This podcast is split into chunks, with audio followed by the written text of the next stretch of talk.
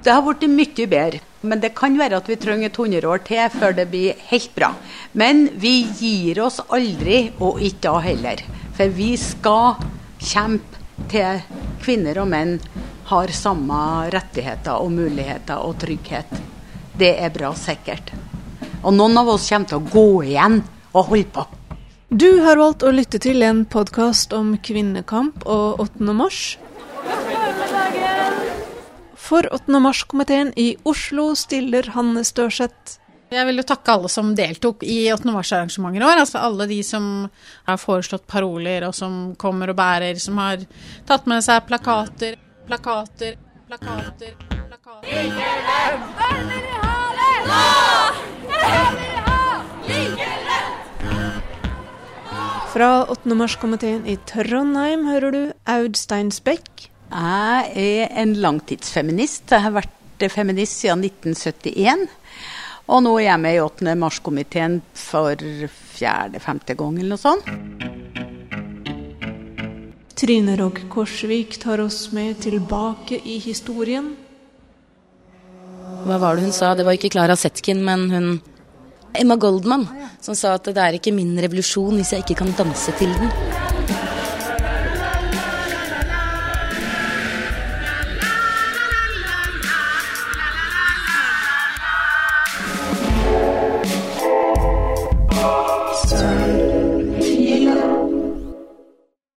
8. mars engasjerte mange i 2019.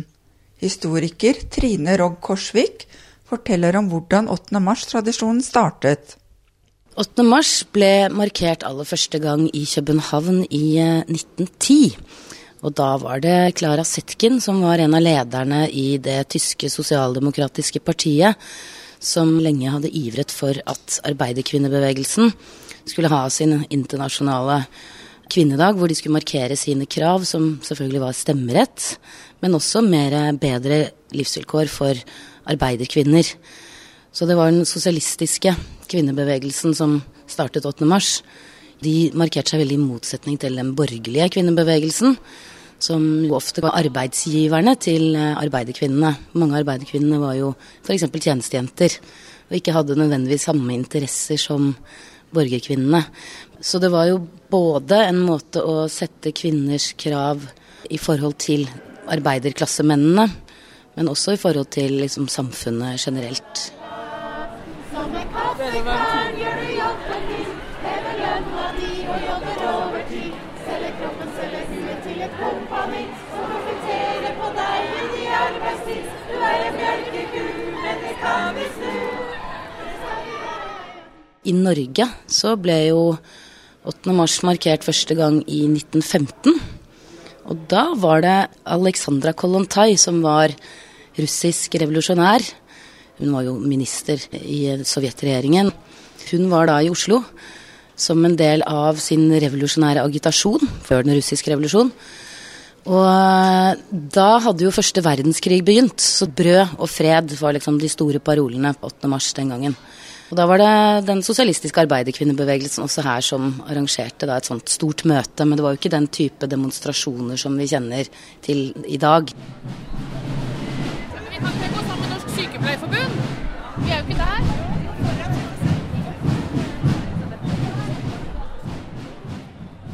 I Norge så hadde man jo f.eks. Norsk kvinnesaksforening, som var tilknyttet partiet Venstre, som jo var mer type sosial liberalt parti som var veldig opptatt av arbeiderkvinners kår.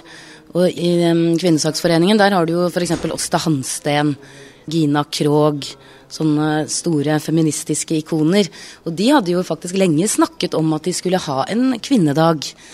Lenge før det med 8. mars. altså Det tror jeg de begynte å snakke om på, altså før 1910.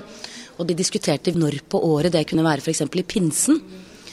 Det, det, ville jo egentlig vært mye bedre for oss i dag om det hadde vært i pinsen, for da er det jo mye bedre å gå ute i tog, f.eks. Men, men da var det også ut fra en tankegang om at pinsen er noe sånn spesielt sånn åndelig vekkelsesspirituell eh, høytid. Uten at de var særlig kristne av den grunnen.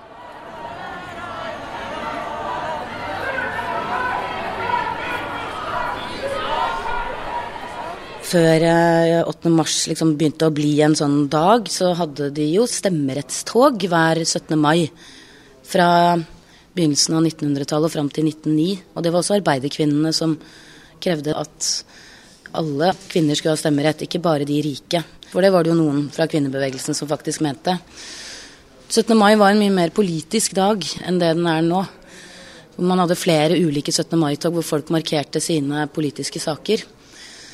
Mens det ble ikke sånn at 8. Eh, mars ble innstifta som en fast dag før etter eh, den russiske revolusjonen. Fordi under den russiske revolusjonen så var det et kvinnetog den 8. mars 1917. Hvor de krevde brød og fred. Så da var det faktisk Lenin på 20-tallet som bestemte at 8. mars skulle være den internasjonale kvinnedagen. Og så var det jo ikke før i 1975 at FN anerkjente den som en internasjonal kvinnedag.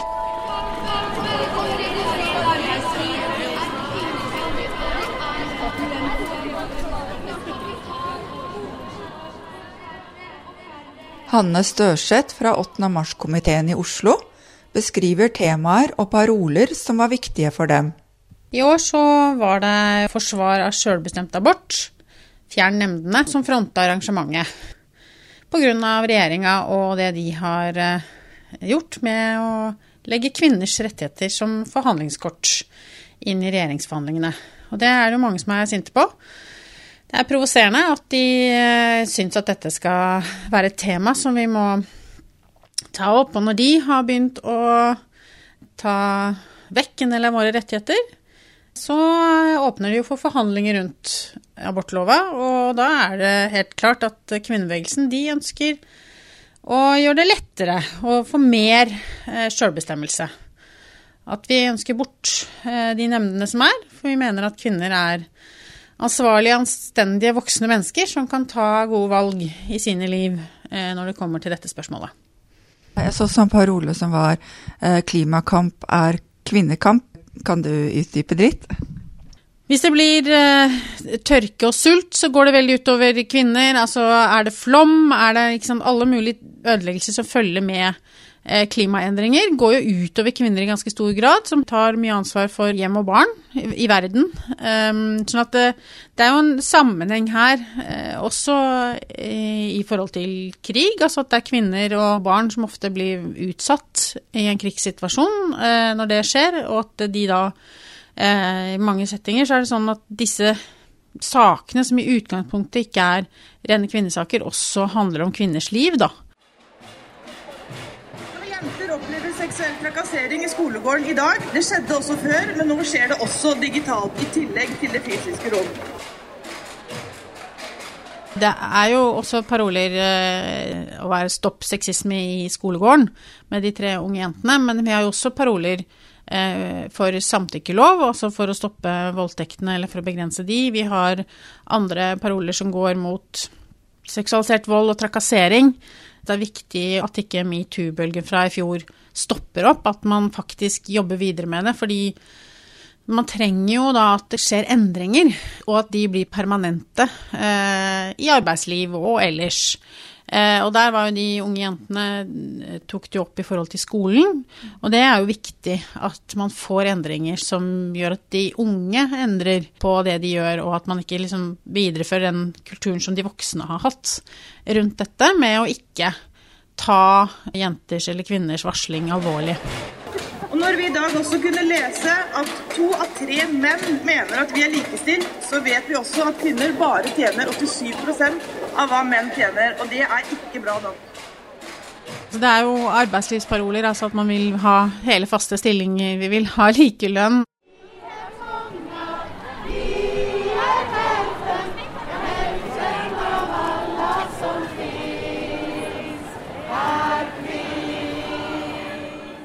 Mange av parolene var de samme i Trondheim som i Oslo. I tillegg hadde de noe lokalt som de kjempet for, et feministhus. Vi har hatt et pop-up-hus her i fire år, og det har fungert veldig bra. Og i år så har vi en egen parole om at vi ønsker oss et permanent feministhus. Og Vibeke Løkkeberg, som er hovedtaleren vår, hun sier at vi må ha metoo i betong. Og det er vi skjønt enig med henne i. Da metoo for et år siden grep inn i mitt liv, fikk jeg en visjon. En visjon om et signalbygg for kvinner, en skyskraper på 200-250 meter. Et metoo i betong, en bygning som Trump Tower i New York. Det fungerer sånn at eh, kvinners stemmer blir løfta frem i forhold til kunst, kultur, debatt og diskusjoner, sånn at vi kan møtes og ta opp spørsmål som angår eh, likestilling og utfordringene knytta til å komme nærmere målet vårt, som er at det skal være like greit å være kvinne som å være mann. Vi skal tjene det samme, og vi skal ha samme rettighetene, og vi skal ikke føle oss utrygge pga. seksuell trakassering og seksualisert vold.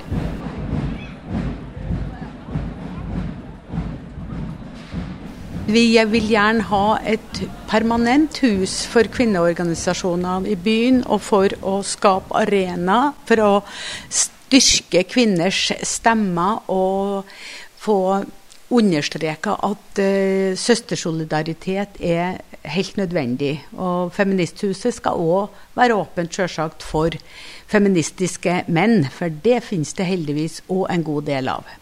Som jeg nevnte, så hadde jo Lenin og sovjetsamveldet eh, bestemt at 8. mars skulle være kvinnedagen.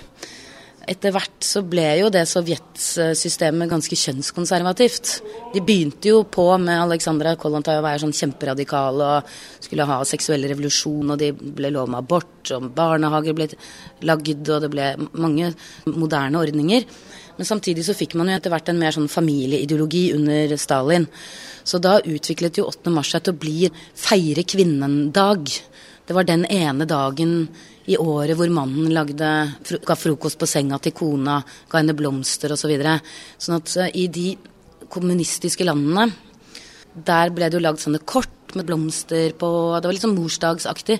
Hvor det var sånn Vi feirer kvinnen med stor K. Mens um, i andre land, hvis vi nå fortsatt holder oss litt i gamle dager, så var det i Norge f.eks. på 50-tallet så var det jo en del av disse kommunistdamene som eh, markerte 8. mars med paroler om barnehageplasser, for det fantes jo omtrent ikke på den tida. Fred. ikke sant? De ville ikke ha kald krig og sånn. Men de var kjempefå. De var åtte-ti stykker som gikk med plakater og nei til atomvåpen og sånn.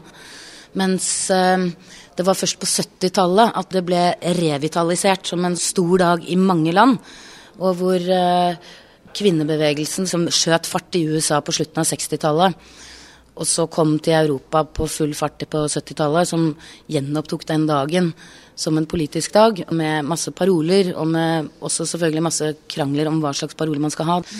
Men jeg tror nok at i, dag, i dag, i mange av de postkommunistiske landene, så henger det litt igjen det der med blomster til damer på 8. mars.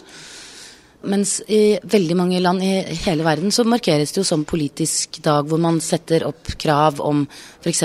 selvbestemt abort eller nei til tvangsekteskap eller altså de kravene som er mest nærliggende for de som bor i det landet, da.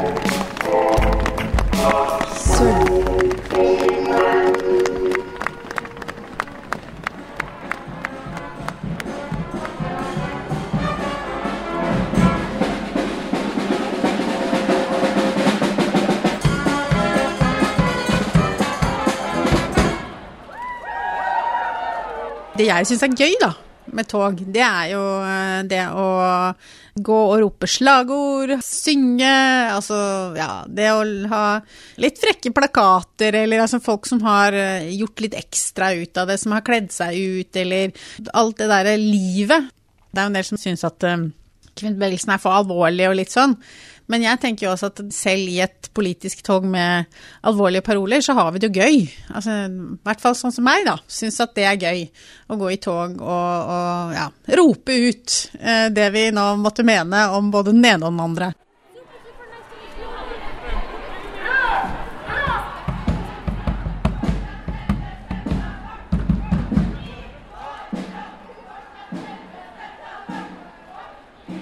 Hvordan er 8. mars-feiringen aktuell i dag?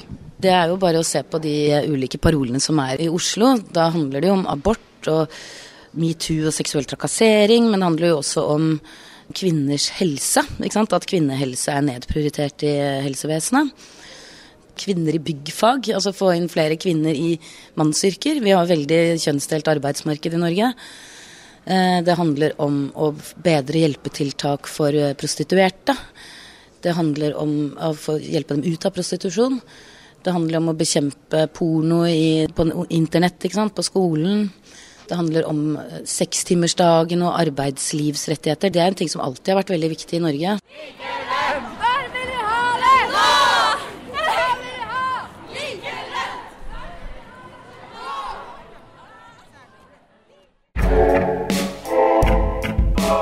Dette programmet er laget av podkastkollektivet Sølvfilen. Sølvfilen består av Liv Hilde Dimestøl, Monica Ruud og Ingvild H. Winge. Vi høres!